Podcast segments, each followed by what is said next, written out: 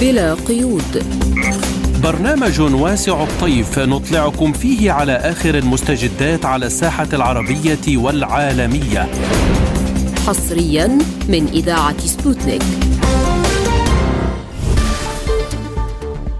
تحية طيبة لكم مستمعينا مني أنا نغم كباس. وأنا فرح القادري في هذه الحلقة الجديدة من بلا قيود. والبداية كالمعتاد بالعناوين. روسيا تلجأ للأمم المتحدة ومجلس الأمن لردع زيلينسكي من استخدام قنبلة قذرة. مقتل خمسة فلسطينيين وجرح 21 في اقتحام إسرائيلي عنيف لنابلس. فوز ريشي سوناك برئاسة الحكومة البريطانية. الكاظمي يؤكد استمرار حكومته في مكافحة الفساد والقبض على المجرمين دون اكتراث لأصحاب المزايدات. لازلتم تستمعون إلى برنامج بلا قيود. نبدأ تفاصيل الحلقة بالشأن الأوكراني والتضليل الذي تمارسه الولايات المتحدة بخصوص القنبلة القذرة التي يهدد نظام كييف باستخدامها ضد القوات الروسية إذ تعتبر واشنطن أن هذه مزاعم وادعاءات روسية بالرغم من الاتصال الذي أجراه وزير الدفاع الروسي سيرجي شايغو مع نظرائه من الولايات المتحدة وفرنسا وبريطانيا وتركيا.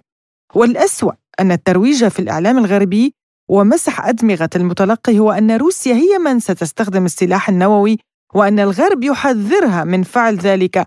متجاهلين تحذيرات روسيا من خطر الجريمة التي يمكن أن يرتكبها نظام كييف النازي.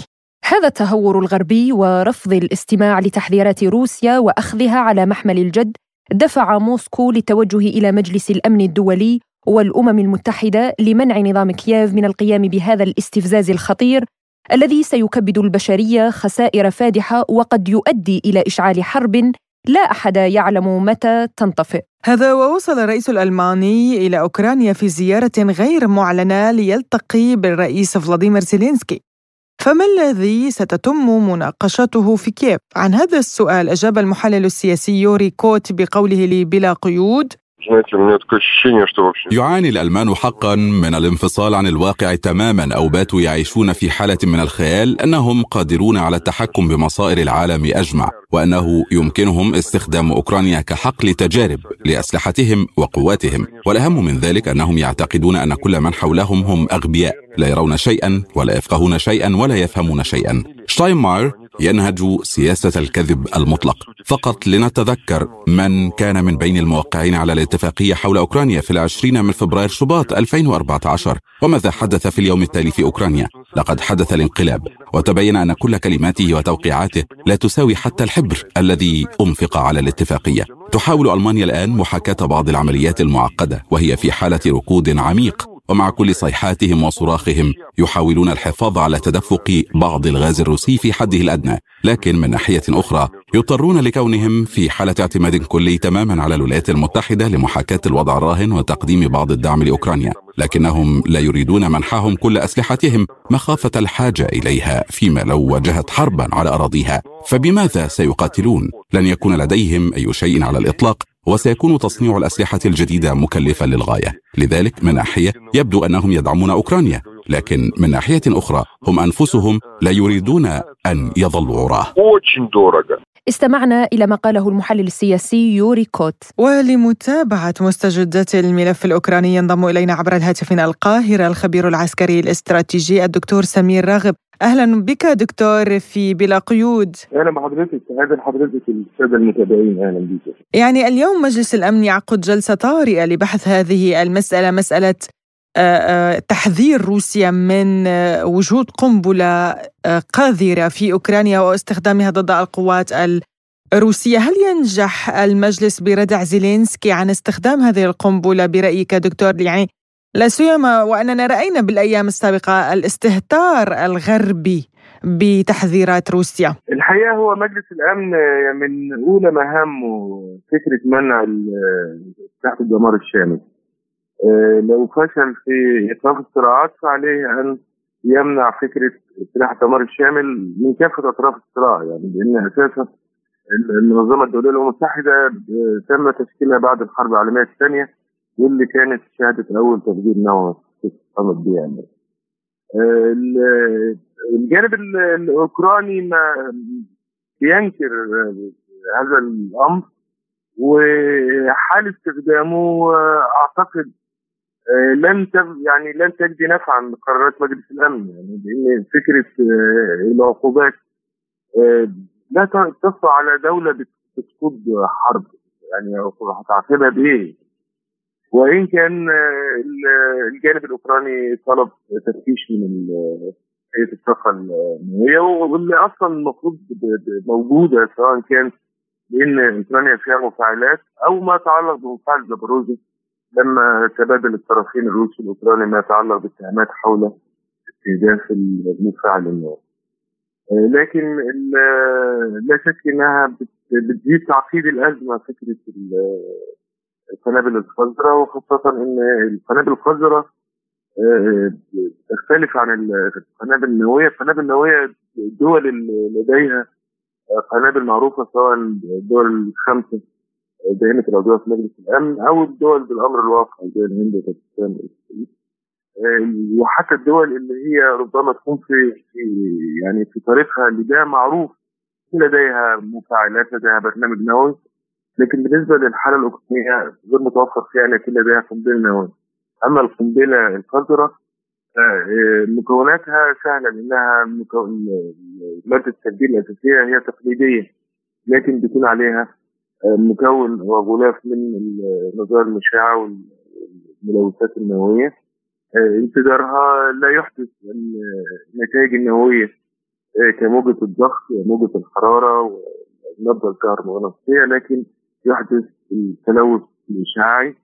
وإن كان أعتقد أن يعني الجانب الأوكراني لو كان لديه مثل هكذا أو مثل هكذا إمكانية كان ممكن يستخدمها في حرب كييف أو تشيرنيهيف اللي هي كان فيها أو لحظة دخول القوات الروسية للأراضي الأوكرانية. هو دكتور اليوم الموضوع يتعلق بخيرسون يعني أكيد حضرتك متابع لما يحدث في خيرسون وتهديدات بتفجير السد لإعادة السيطرة على محطة زابوروجيا النووية من قبل القوات الأوكرانية. يمكن كل هذا قد يدفع أوكرانيا لاستخدام هذه القنبلة في حالة الإفلاس من استعادة الأراضي التي انضمت مؤخرا إلى روسيا. أولا خيرسون أول منطقة سقطت وأول مدينة في إقليم مدينه خرسون الروس استولوا عليها ومدينة الروس وضمها ظهرت قبل باقي الأقاليم الثانية زاباروجيا لكن لم يستخدمها الأوكرانيين ولم يقوموا بتفجير السد رغم إن هو كان تحت سيطرته في هذا الوقت. وقتاليا في الجزء اللي هو الواقع غرب نهر دنيبرو في خرسون الأوكرانيين وضعهم مش مش مش سيء. يعني بالتالي الروس هم اللي بينسحبوا إلى نوفا في الداخل الاخرى على الأقل سحبوا المدنيين وده معلن مش يعني أنا مش مش بتجنى على حد. وسحبوا قوات النخبة وسحبوا الضباط والمتبقي هي قوات تأمين يعني اللي هو مؤخرة الانسحاب. لماذا الآن؟ ليست في صالح الطرف الروسي. فبالتالي يبقى لصالحه لما هو ما يفقدش خسائر فيها ثم يقوم بالهجمات المضادة واستعادة الأوضاع. ولو نجح في استعادة الأوضاع هيكون القوات الأوكرانية موجودة في المنطقة دي تصبح منطقة قتل للاوكرانيين أما فكرة الحديث بقى عن قنبلة قذرة عن سد ده هو الروس بيرسلوا رسائل للاوكرانيين بفكره إننا ربما نقوم نحن بذلك. يعني إحنا اللي نفجر السد ونلصقها بكم أو نضرب قنبلة قذرة ونلصقها بكم فالأفضل أنكم تنسحبوا. لأن لو لو ما انسحبتوش هتكون النتائج وخيمة عليكم أنتم لكن إذا ما قلنا أن على يعني على كلامك انه هذه رسائل من روسيا لتفجير هذه القنبلة يعني القذرة روسيا لا تجد من يسمعها. المجتمع الغربي يتجاهل تماما ما تقوله موسكو في أي يعني تصريح صادر منها. بالعكس نحن نرى هناك إمدادات عسكرية وامدادات بالمليارات من الجانب من دول الاتحاد الأوروبي ومن أمريكا إلى أوكرانيا. برأيك يعني هل هذا الأمر ألن يزيد هذا الأمر سوءا الأوضاع وفي الأزمة الروسية الأوكرانية؟ أتفق معاك جزء كبير لكن عندما يتحدث الروس بالنووي الجميع يجتمع سواء كان بالتلويح بالخيار النووي أو التلويح بالجانب الآخر يستخدم سواء كان قنبلة مائية بسد بهدم السد. لأنها لها تأثير يعني استثناء التلوث لها تأثير الدمار الشامل بس قنبلة مائية. ف ونشطت خطوط الاتصال مع الجانب الأمريكي مع الجانب الفرنسي مع الجانب التركي. السيد شويجو يعني في نشاط من الاتصالات. لا يمكن لا لا, لا يوجد تجاهل لأي موضوع يتعلق بالدمار الشامل سواء كان هجوم بأعلام كاذبة يعني من يقوم بهجوم ويتهم الآخر أو ربما يكون الروس على حق ويكون الاوكران لديهم النيه لذلك أو لديهم امكانية لذلك لكن من وجهة نظري أن الغرب كل ما يخشاه في الصراع ده وصول إلى الحافة النووية. فمش من المنطق أن حلفاء أوكرانيا يحفزون زيلينسكي على القيام بمثل هكذا. الأهم من كده لو حتى زيلينسكي عمل ده من من تلقاء نفسه رد الفعل الروسي في هذه الحالة سيكون الخيار النووي بدون كلام. فهل أوكرانيا تتحمل ردة فعل نووية من الجانب الروسي. نعم.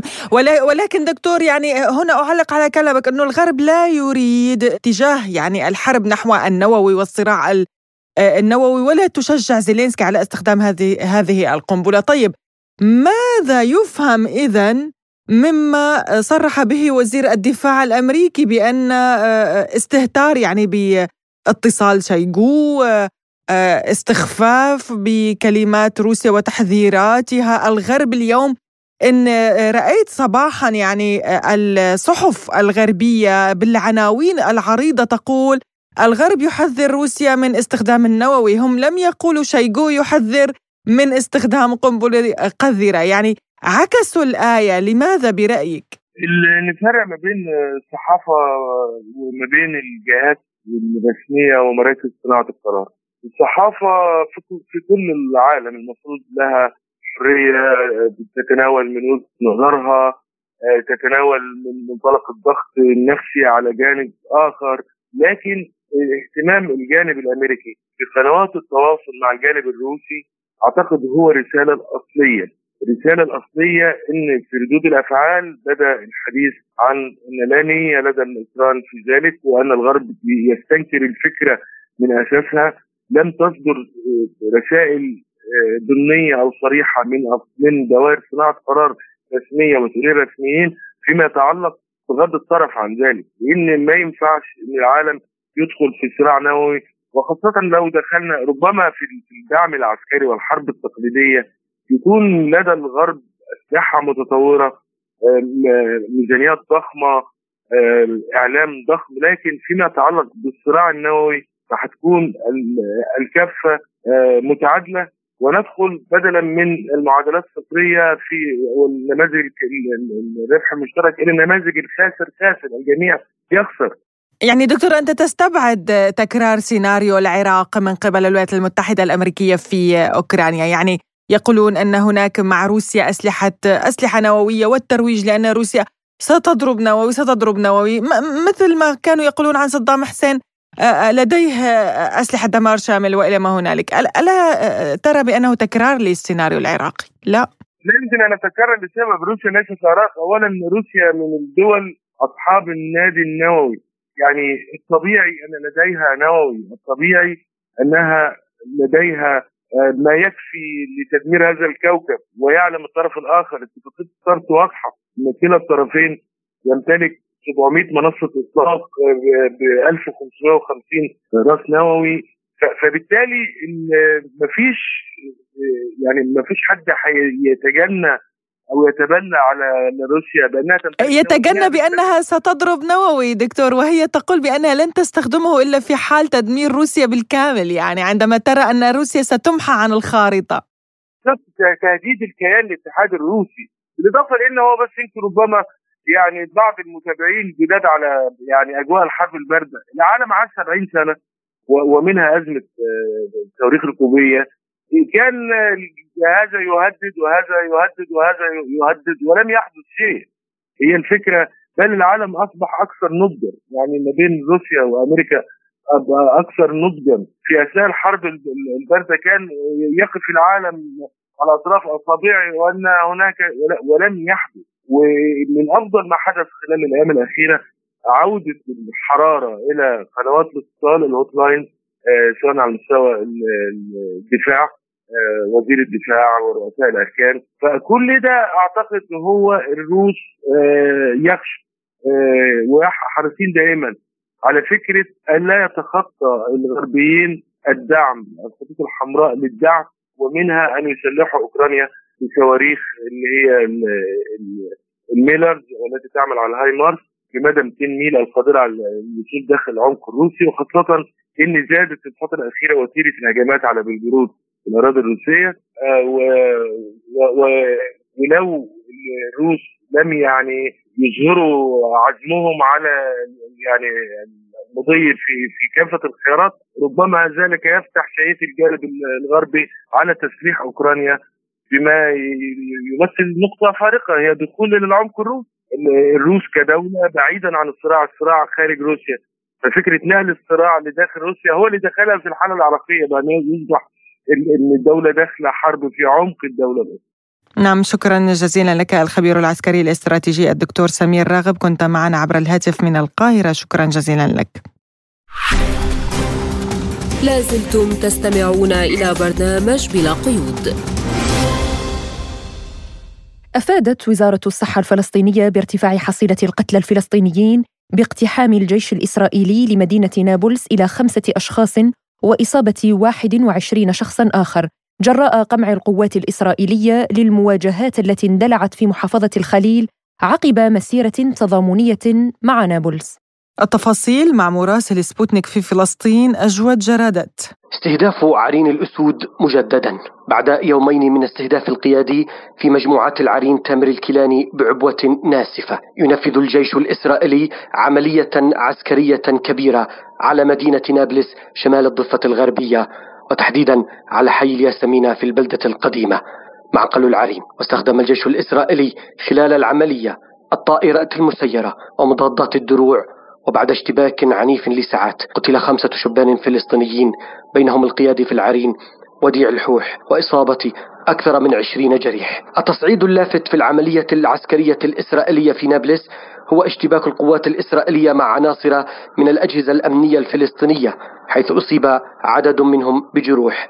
تصعيد بدأ يأخذ منحنى شديد الخطورة خاصة وأن تصريحات وزير الأمن الإسرائيلي بني جانتس تؤكد استمرار العمليات الإسرائيلية شمال الضفة الغربية. أما فلسطينيا فقد أصدر الرئيس الفلسطيني تعليماته لإجراء اتصالات مع الجانب الأمريكي لوقف العمليات العسكرية الإسرائيلية كما دعا رئيس الوزراء محمد شتية المنظمات الدولية الحقوقية لتدخل لوقف التصعيد وحصار مدينة نابلس المستمر منذ 14 يوما. أما مجموعات عرين الأسود فقد أكدت في بيانها على خيارها وإعلانها. أن الوقت قد حان لخروج الأسود من العرين. استمعنا إلى ما قاله مراسل سبوتنيك في فلسطين أجود جرادت. وعلى إثر ما يحدث قام الرئيس الفلسطيني محمود عباس بإجراء اتصالات عاجلة لوقف العدوان الإسرائيلي على أبناء شعبه فهل سيستجيب المجتمع الدولي لنداءات عباس؟ وحتى نتحدث أكثر عن هذا الموضوع ينضم إلينا الخبير في شؤون الشرق الأوسط الدكتور حسن مرهج. أهلا بك دكتور. أهلا فيك ومستمعينك.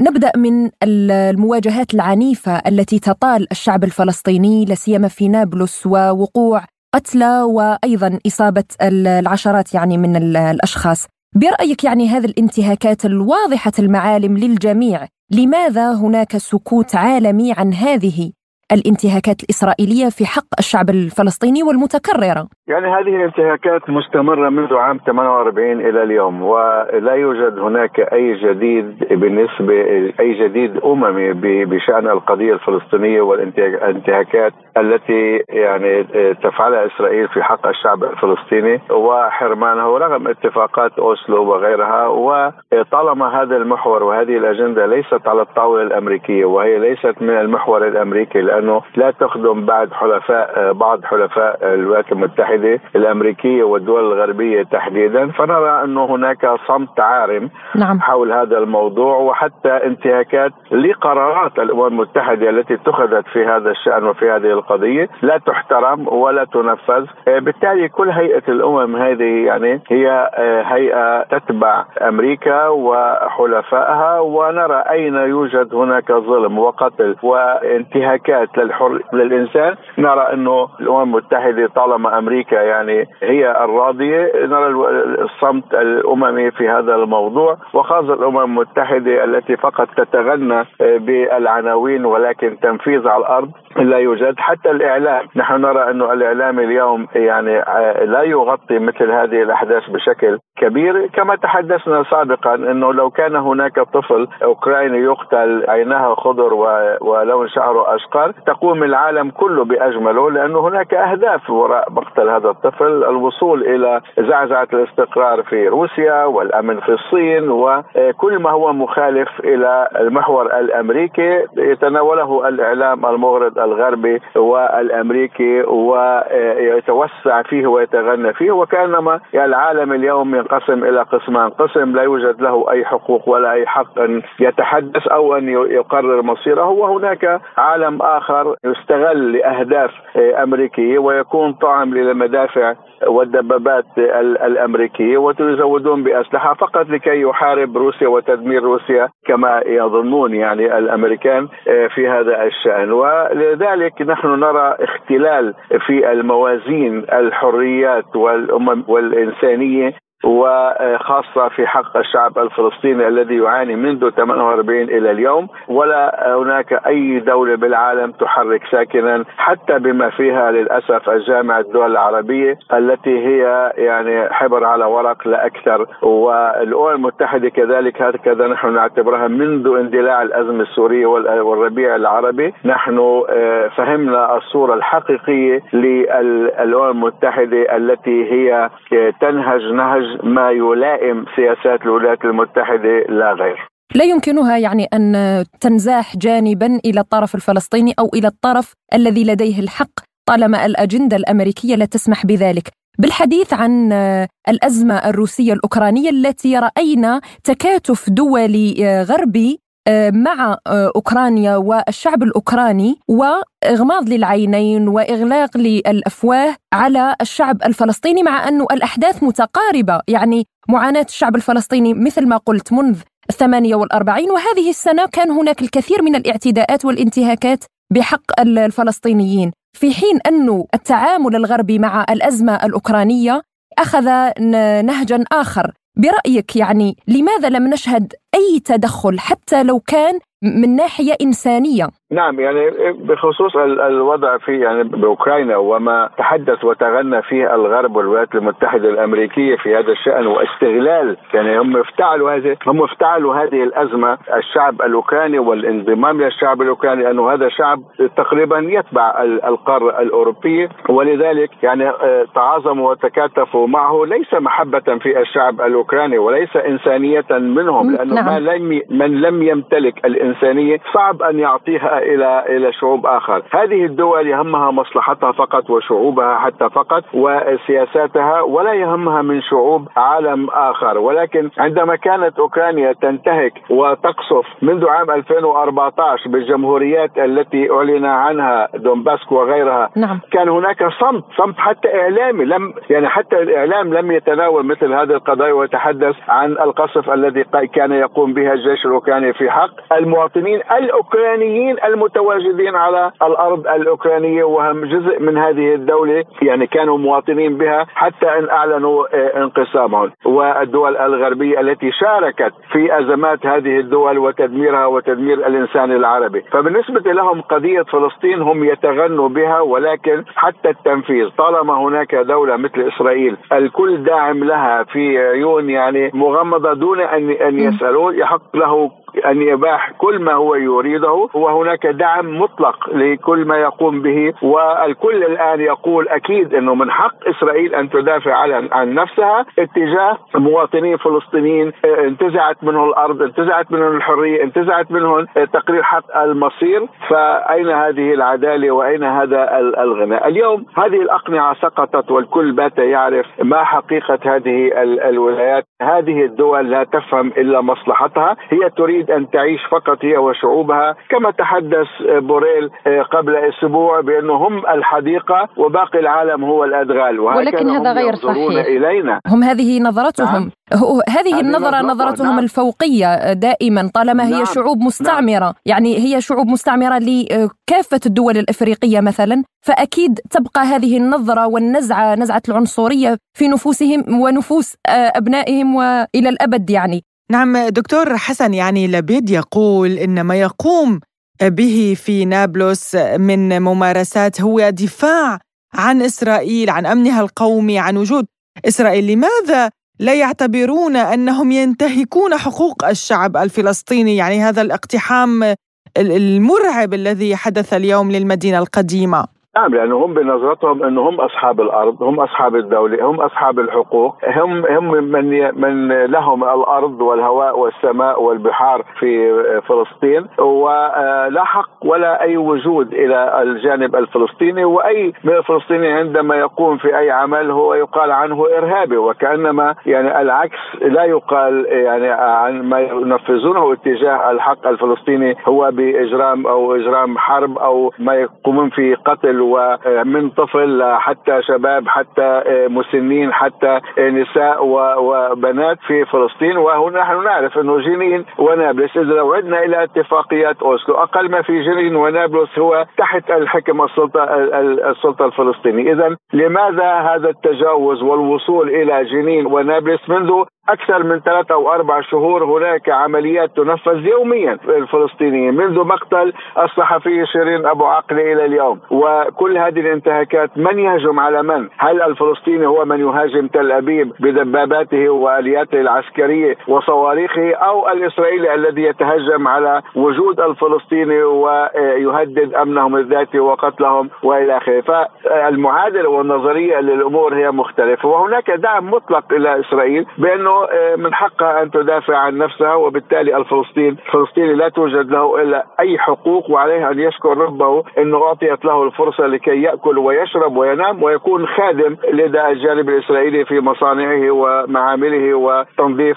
شوارع مدنه. هذه النظرة وهذه الواقع المر الذي نعيشه في في هذه المنطقة وإن نريد أن نبحث عن الحقيقة أكيد وعن الديمقراطية والحق الذي سلب أكيد ليس في لا بلبيد ولا غير لبيد ولا في هذه الدولة ولا في الدعم المطلق التي حتى من طبع مع إسرائيل يصمت وحتى آه، من له اتفاقيات سلام عربيه يصمت وحتى الدعم الأمريكي مطلق ويصمت وحتى الدعم الأوروبي هذا واليوم إحنا بس فقط في عام 22 وصلنا إلى 179 شهيد فلسطيني فهذا رقم بعشرة أشهر رقم كبير جدا نعم. جدا جدا ولم يحرك العالم ساكنا في هذا الأمر. الخبير بشؤون الشرق الأوسط الدكتور حسن مرهج كنت معنا عبر الهاتف شكرا جزيلا لك على هذه المداخلة. لازلتم تستمعون إلى برنامج بلا قيود. حسم وزير مالية بريطانيا في حكومة بوريس جونسون ريشي سوناك سباق رئاسة وزراء بريطانيا أمام بيني موردنت التي حصلت على 90 صوتا بينما حصل هو على تأييد أكثر من 190 من أعضاء حزب المحافظين الحاكم. وحول تأثير ذلك على العلاقات البريطانية الروسية قال المحلل السياسي الروسي مراد بشيرف لسبوتنيك فيما يتعلق برئيس الوزراء البريطاني الجديد فأنا أعتبره إشارة جيدة لروسيا وأرى بأن كل ما يحدث هناك هو نهاية انهيار القوة البريطانية أو كما يصفونها بالإمبراطورية. وإذا ما عدنا إلى التاريخ فسنرى أن روما هكذا انهارت قبل ذلك وبدأت تتفكك إلى قطع متناثرة وفي مرحلة زمنية معينة كان لديهم فيها 27 إمبراطورا خلال نحو خمسين عاما. وبالتالي يمكن القول إن النخب الإنجليزية دخلت الآن هذه المرحلة. وها هو رئيس الوزراء الجديد الهندي الأصل شخصية مالية. وأعتقد أنه سيقوم قبل كل شيء بوضع اقتصاد البلاد على السكة الصحيحة. ما فعلته ليستروس يتيح لنا الاعتقاد بأنها تلعب دور عميل سري لجهاز الاستخبارات الخارجية الروسية. ولهذا أنا أسميها ليزا بالروسية. لقد تمكنت ليزا هذه خلال 44 يوما من فعل ما لم يتمكن أي جاسوس روسي من فعله بمعنى أنها أطلقت فعليا سيناريو سلبيا لتدمير الاقتصاد البريطاني. كان هذا ما قاله المحلل السياسي الروسي مراد بشيرف. وللحديث عن هذا الموضوع ينضم إلينا عبر الهاتف من لندن الكاتب والمحلل السياسي الدكتور أحمد الزين.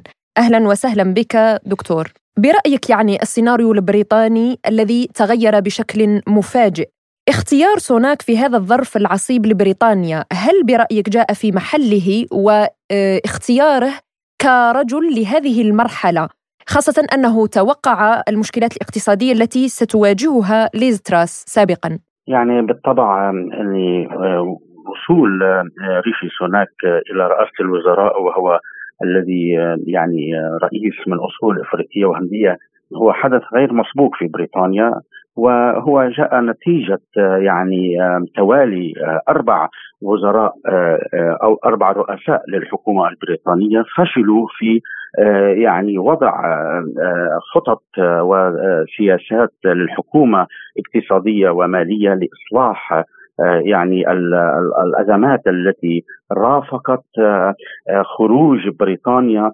من الاتحاد الأوروبي وخصوصا بعد العملية الخاصة لروسيا في أوكرانيا وما يعني تبعها من أزمات للطاقه من نفط وغاز. وهناك بالإضافة إلى الأزمات الاقتصادية هناك أزمات سياسية تعصف بالحزب المحافظين خلال الانقسامات الموجودة خلال هذا الحزب وعدم وافتقاد هذا الحزب المحافظين اليميني إلى قيادات تاريخية كما عدناه في السابق عبر الإمبراطورية البريطانية مثل وينستون تشرشل أو مثل مارغريت تاتشر. فالآن هؤلاء الرؤساء الوزراء يعني كانت لا يملكون الخبرة والمعرفة لإدارة البلاد وإدارة اقتصاد البلاد. فمثلا يعني ليز تراس وضعت خطط اقتصادية أدت إلى عدم استقرار أسواق في السندات المالية وإلى أدت إلى خططها الاقتصادية إلى تخفيض الجنيه الاسترليني وإلى يعني زيادة وخططها كانت لتخفيض الضرائب مما قد على الفئات كل الفئات وعلى الشركات التي يزيد رصيدها السنوي 250 مليار دولار مما يزيد من سيولة الأموال بين الناس ويزيد التضخم بين الناس. ولم تكن لها يعني رؤية اقتصادية صحيحة بأن يعني ترفع سعر الفائدة إلى تشجع المواطنين لوضع أموالهم في البنوك من أجل يعني تقليل السيولة وبذلك تقليل التضخم. فلذلك هذه يعني تراس دفع حزب المحافظين إلى إجبارها إلى الاستقالة ولأنها فشلت في إدارة البلاد وخلقت عدم استقرار سياسي وفوضى في الأسواق وفاقمت الأزمة الاقتصادية والاجتماعية في البلاد. الآن جاء سوناك وهو ربما أكثر يعني رجل اقتصادي وكان يعمل في المصارف والبنوك له رؤية هو وعد بالنزاهة والشفافية والصدق في التعامل لحل الازمات الاقتصادية للبلاد ووعد بتوحيد حزب المحافظين الذي ينقسم الذي يشهد انقسامات واختلافات كثيرة وتتوالي استمرار استقالات من الوزراء من حكومات المتعاقبة. لذلك هناك عمل كبير يجب على حزب المحافظين أن يقوم به حتى يستعيد شعبيته لأن حسب استطلاعات الرأي بدأ حزب المحافظين يعني يفقد شعبيته وبدأ حزب العمال المعارضة العمالية برئاسة كير ستارمر في يعني تحسين مواقعه وزيادة شعبيته حسب استطلاعات الرأي ومما قد دفع إلى رئيس المعارضة كير ستارمر إلى الدعوة إلى انتخابات مبكرة من أجل حل الأزمة السياسية الموجودة في البلاد. طيب دكتور أحمد يعني اختيار سوناك برأيك كيف سيؤثر على العلاقات العربية البريطانية؟ يعني بالطبع يعني سوناك يعني هو يملك نفس الرؤى ونفس الاستراتيجية السياسية الخارجية للتراث للتراث التي فاجأتنا بأنها اعتلت رئاسه الوزراء بأول تصريح بأنها هي أكبر صهيونية آه، وهي تساند النظام الصهيوني في آه، والكيان الصهيوني في فلسطين.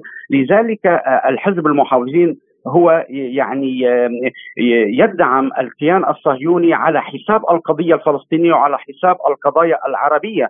لذلك لا, لا أتوقع أن أن يعني أن تكون هناك تحسن آه، ملموس في العلاقات العربية البريطانية من ناحية آه، القضايا آه، أو القضايا الشرق الأوسط وقضية يعني حق الشعوب في تقرير مصيرها وخاصة الشعب الفلسطيني. لذلك يعني هناك السياسات آه، البريطانية الخارجية لا تزال آه، يعني هي سياسات استعمارية تنظر إلى الشعوب الأخرى نظرة استعلاء ونظرة هيمنة لنهب ثرواتها وللسيطرة عليها ولمصادرة قرارها السيادي ويعني ويعني الانتهاك سيادتها. كما تعلمون دكتور اليوم الملف الروسي الأوكراني هو الذي يأخذ حصة الأسد من جميع الملفات على الساحة الدولية، هل برأيك يعني اختيار سوناك لهذه المرحلة سيغير من السياسة الخارجية بين روسيا وبريطانيا خاصة أن بريطانيا يعني أسقطت العديد من العقوبات على الجانب الروسي بسبب الأزمة الأوكرانية. يعني آه الآن أوروبا جميعها الآن في حالة اضطراب وفوضى من فرنسا حيث المظاهرات الكبيرة التي تخرج إلى ألمانيا إلى إيطاليا. إيطاليا شهدنا تغيير في الحكومة إلى حكومة اليمين بقيادة آه، ميلوني وب آه، لذلك لابد يعني الدول الأوروبية أن تستعد للحوار مع روسيا وحل الأزمات الموجودة الاقتصادية والاجتماعية التي يعني بسبب الغباء والجهل من القيادات البريطانية والأوروبية الذين فرضوا عقوبات على روسيا والتي ارتدت عليهم سلبا وتضررا وخسائر. وهذه ما نشهده في ارتفاع الأسعار في النفط والغاز وارتفاع المعيشة تكاليف المعيشة مما فاقمت الأزمات الاجتماعية للمواطنين، طبعا لذلك لابد من من سوناك أن ينظر إلى كل هذه الظروف الاستثنائية التي حدثت من وراء قراراتهم الخاطئة باتجاه روسيا اولا بوقف العقوبات على روسيا وثانيا ببدء الحوار مع روسيا لحل أزمة أوروبا أو حل أو أو الشراكة الأوروبية لأن روسيا هي جزء من أوروبا ويجب أن يتعايشوا مع روسيا لأنه هي جزء مهم من من من من من الدول العظمى في في مجلس الأمن والتي يعني تحظى لها امتداد تاريخي وأصدقاء وحلفاء في العالم. لا يستطيعون ان أن يستثنوا آه، روسيا من قيادة العالم. العالم في روسيا شريكه يجب أن ينظر بأنها شريكة في هذا النظام العالمي في في قيادة آه، العالم بجانب أمريكا والصين والدول الناهضة. لذلك إذا كان يعني سوناك يريد كما قال أن يتصرف بمسؤولية وشفافية ومصداقية أن يبدأ بحل جذري لكل هذه المشاكل والخلافات التاريخية الأوروبية الروسية. الكاتب والمحلل السياسي الدكتور أحمد الزين كنت معنا عبر الهاتف من لندن. شكرا جزيلا لك. لازلتم تستمعون إلى برنامج بلا قيود.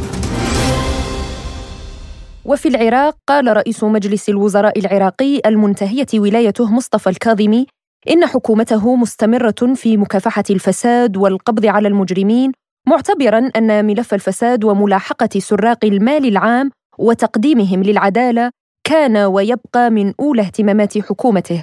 فهل يسعى الكاظمي للبقاء في الحكومة أم أن له اهدافا أخرى؟ ولمناقشة هذا الموضوع أكثر معنا الباحث والمحلل العراقي المهتم بالشؤون الاستراتيجية بالشرق الأوسط كاظم ياور. أهلا وسهلا بك أستاذ. حياكم الله يا أهلا وسهلا. نتحدث عن حكومة الكاظمي التي استمرت مدة سنتين ونصف. وجاءت يعني حقيقة في ظروف العراق كان يعيشها يعيش يعني ظروفا وانهيارا اقتصاديا وسياسيا. برأيك يعني ما الذي قدمته حكومة الكاظمي للعراق طيلة هذه الفترة؟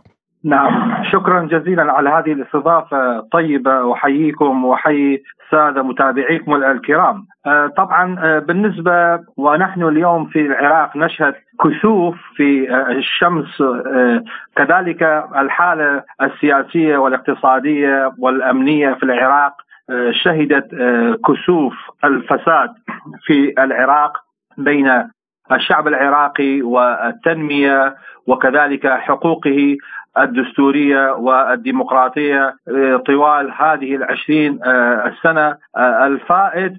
فعملية السياسية في العراق والذي كان يتأمل الشعب العراقي بشكل عام أن يكون هناك فعلا حقوق له يكتسبه عبر دستوره وكذلك عبر خيرات بلاده آه، ولكن آه، لم يجد من هذه العملية السياسية آه، غير الحرمان وكذلك يعني ظهور فساد كبير في المنظومة السياسية في العراق هي السبب الرئيسي في حرمان العراقيين.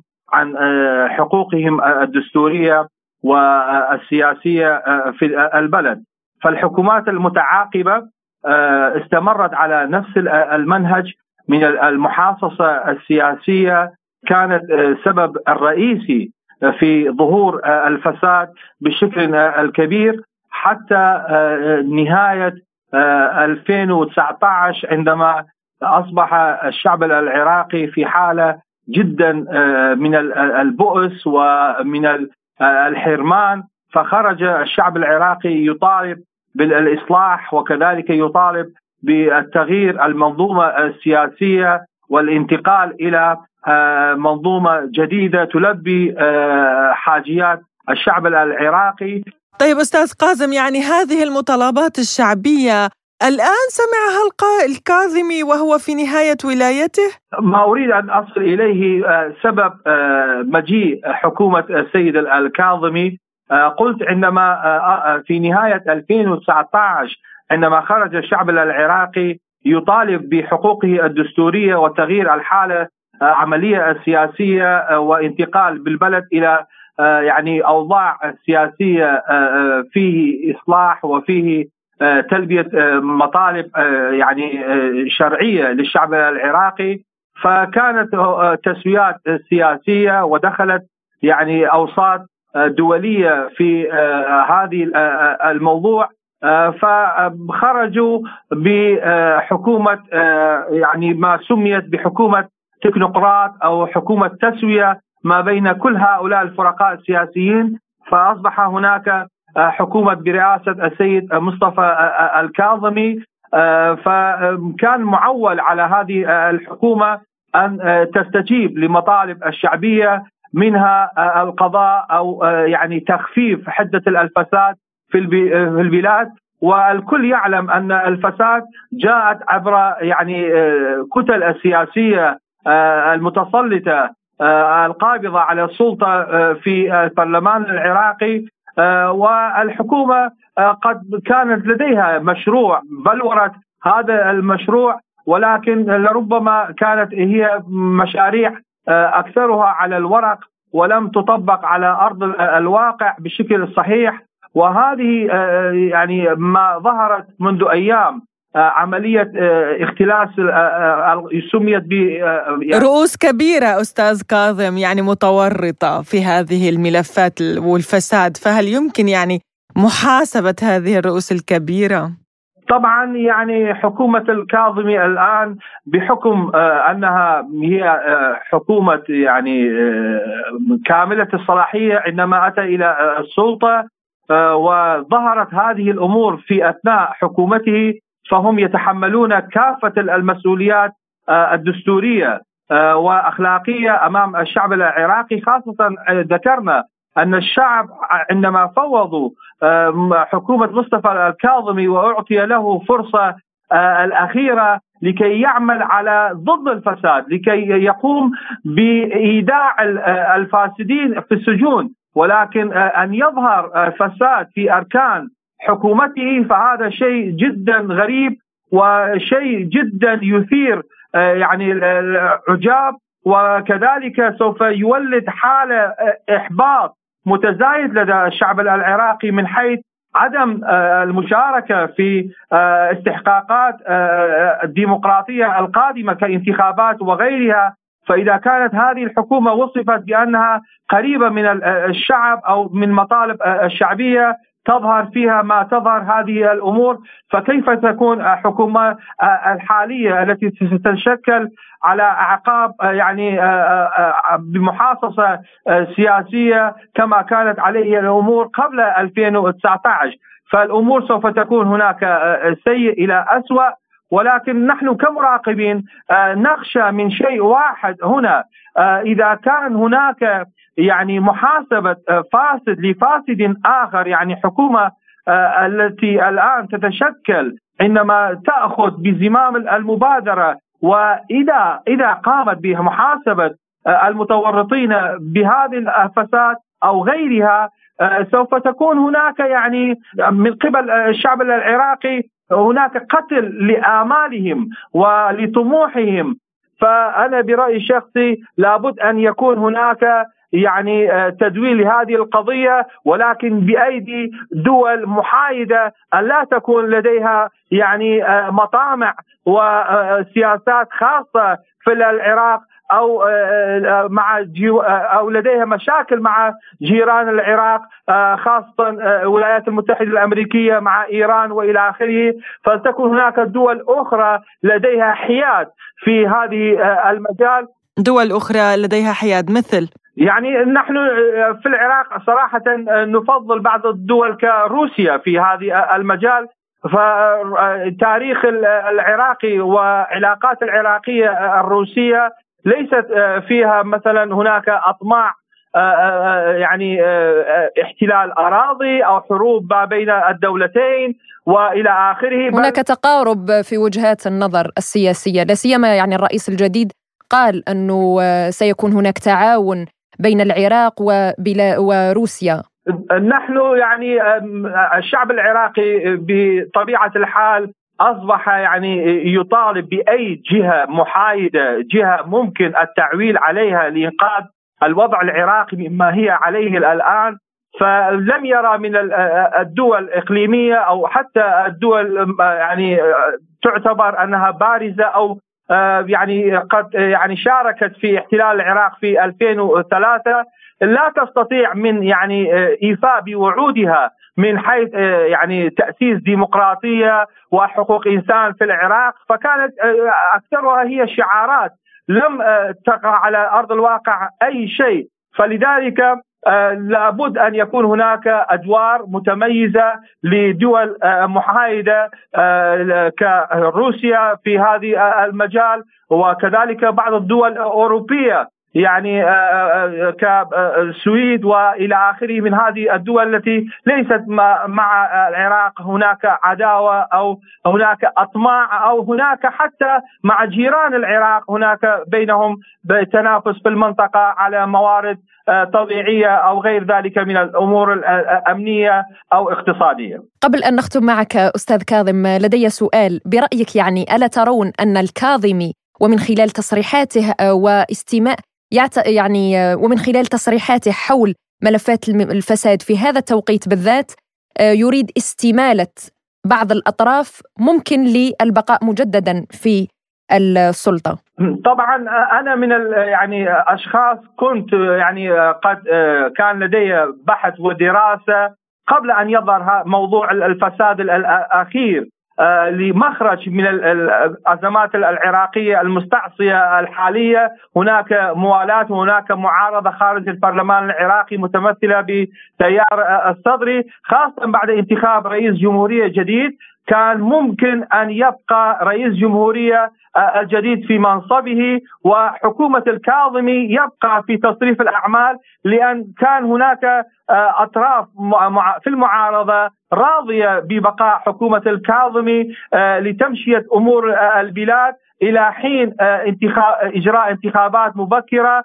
أما ما يتعلق بشأن آه، قوانين مشاريع قوانين آه، للانتخابات أو مفوضية أو لحتى موازنة الدولة بحسب دستور العراقي الحكومة التنفيذية آه، تتكون من شقين رئاسة الجمهورية وكذلك الحكومة. بما أنه أصبح لدينا رئيس جمهورية يتمتع بصلاحيات دستورية كاملة باستطاعته أن يرسل مشاريع قوانين إلى البرلمان ويصادق عليها من قبل البرلمان، ولكن ما ظهر هذه عملية الفساد اليوم آه، يعني في ثنايا حكومة السيد الكاظمي لابد من وقوف آه، عند هذه الأمر. آه، ولكن كما ذكرت لا أن يعني نتهم أو نجرم أشخاص قائمين ثم نأتي أو نفتح المجال بأشخاص أو بكابينة وزارية هي الأخرى كانت يعني مشتركة وأدواتها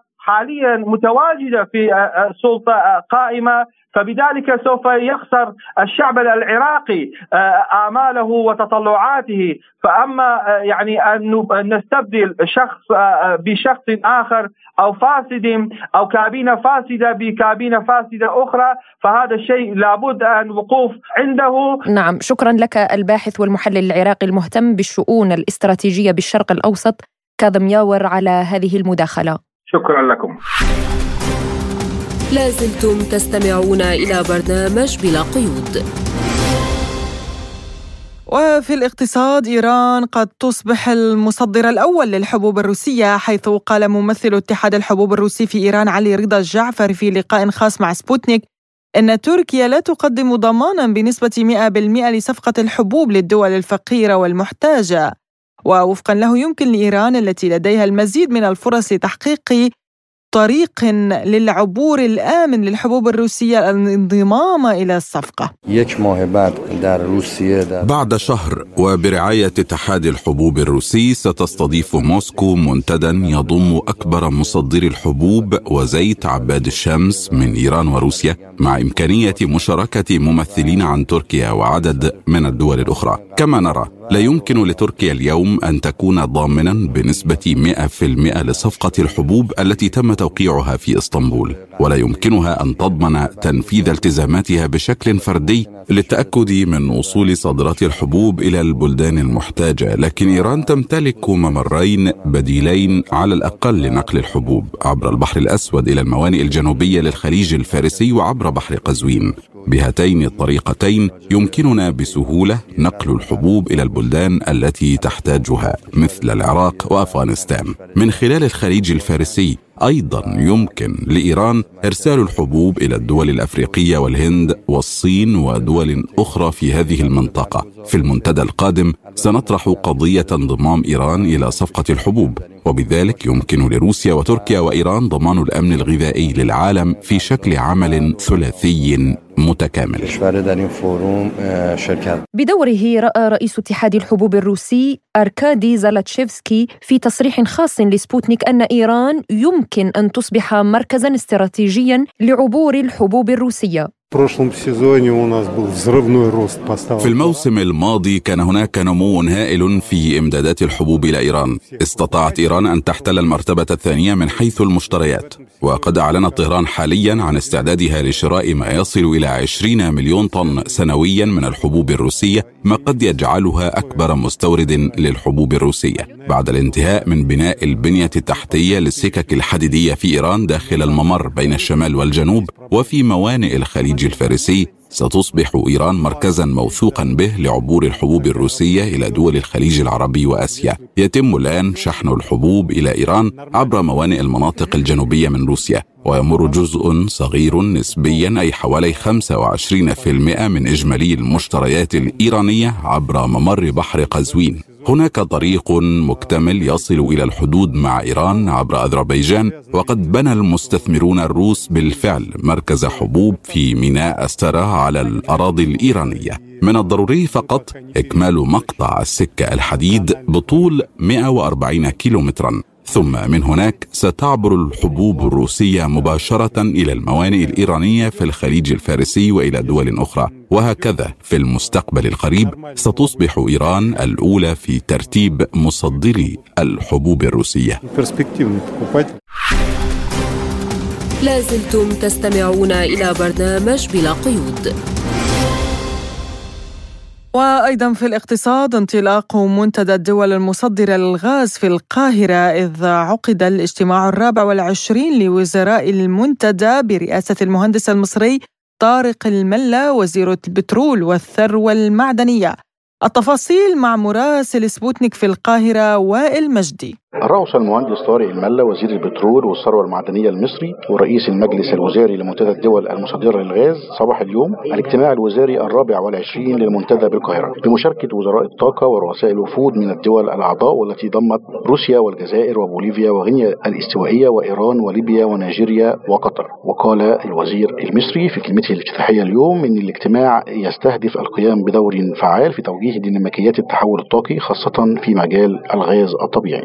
وتعزيز التعاون بين الدول المنتدى مشيرا إلى أن الأحداث والتوترات الأخيرة تسببت في اضطراب أسواق النفط. وقال الملا إن أمن الطاقة وحماية المناخ هم هدفان متكاملان وشدد كذلك على أهمية دور الغاز الطبيعي عالميا باعتباره دورا محوريا فيما يخص مزيج الطاقة سواء على المدى القصير أو المتوسط أو الطويل كأحد الحلول المتاحة للوصول إلى التوازن بين المتطلبات الاقتصادية العالمية والضوابط البائية. أشار الملا لأهمية العمل الجماعي في هذا الصدد. وفي كلمته اليوم قال وزير الطاقة الروسي إن تباطؤ الاقتصاد العالمي منذ فبراير الماضي والتحول إلى الاقتصاد الأخضر وانخفاض الاستثمارات في صناعة الغاز العالمية وتسييس التجارة الدولية للغاز وفرض العقوبات على روسيا بعد إيران وفنزويلا أدى إلى خلخلة الاستقرار العالمي وأشار إلى أن هناك نتائجا سلبيا على المستهلكين والمنتجين وأن هذه الإجراءات ستقوم بتقويض الأوضاع وينتج عنها تأثيرا سلبيا على الوضع الاقتصادي وشدد على ضرورة أن يكون المنتدى محايدا وأن يهدف إلى دعم البنية التحتية. مضيفا أن عقود الغاز طويلة الأجل هي أحد الحلول لجذب استثمارات في مشروعات الغاز. لازلتم تستمعون إلى برنامج بلا قيود. قال متحدث باسم شركة الفضاء الروسية روسكوسموس إن القمر الصناعي سكيف دي وهو الأول ضمن مجموعة سفيرة المدارية المكونة من عدة أقمار صناعية وضع في مداره بنجاح بعد الإطلاق يوم السبت. حول هذا الموضوع قال أنطون أليكسييف المدير العام لمؤسسة الفضاء الجديدة نوفي كوسموس لسبوتنيك. проект, который, в принципе, начинался как проект эфир. ما هو المعروف عن مشروع سفير؟ هذا برنامج شامل يتضمن أيضا أقمارا صناعية تتعلق بمهمة ما يسمى بستارلينج الروسي للوصول إلى اتصالات النطاق العريض وهي سكيف ويامال وما إلى ذلك. هذه الأقمار الصناعية هي للتفاعل مع مواد الإنترنت أي أنها سرعات إنترنت مختلفة تماما. إنها أقمار صناعية مرتبطة باستشعار الأرض عن بعد. في المجموع تم التخطيط لما يصل إلى عشر مجموعات في هذا المشروع. سيكون من الأصح القول إن سفير ليس مجرد ستارلينك روسي إنها مجموعة عالمية من جميع التجمعات الممكنة التي يمكن أن تكون مفيدة لمهام مختلفة. ماذا يعني ستارلينج؟ هو أكثر من 3500 قمر صناعي تم إطلاقها. 3100 في المدار وهذا أساسا يعمل على تغطية العالم بأكمله تقريبا بالإضافة إلى احتمالات زيادة عدد الأجهزة من 12 ألف إلى 42 ألف. وفقا لأحدث البيانات لا يوجد سوى حوالي 5500 قمر صناعي مختلف في المدار. هذا يعني أن ستارلينك تشكل أكثر من نصف الأقمار الصناعية في الفضاء التي أطلقتها البشرية. تمتلك روسيا حوالي 170 إلى 180 قمرا صناعيا. ليس من الصحيح تماما مقارنة ستارلينك بسفير. بعد كل شيء نظرا لأن لدينا نهجا مختلفا سيكون متاحا لمستهلكين مختلفين. بهذا نصل وإياكم مستمعينا الكرام إلى ختام حلقة اليوم من برنامج بلا قيود. قدمناه لكم من استديوهاتنا في موسكو أنا فرح القادري. وأنا نغم كباس وللمزيد من متابعتنا زوروا موقعنا الإلكتروني سبوتنيك dot ae وقناتنا على تيليجرام. إلى اللقاء. إلى اللقاء.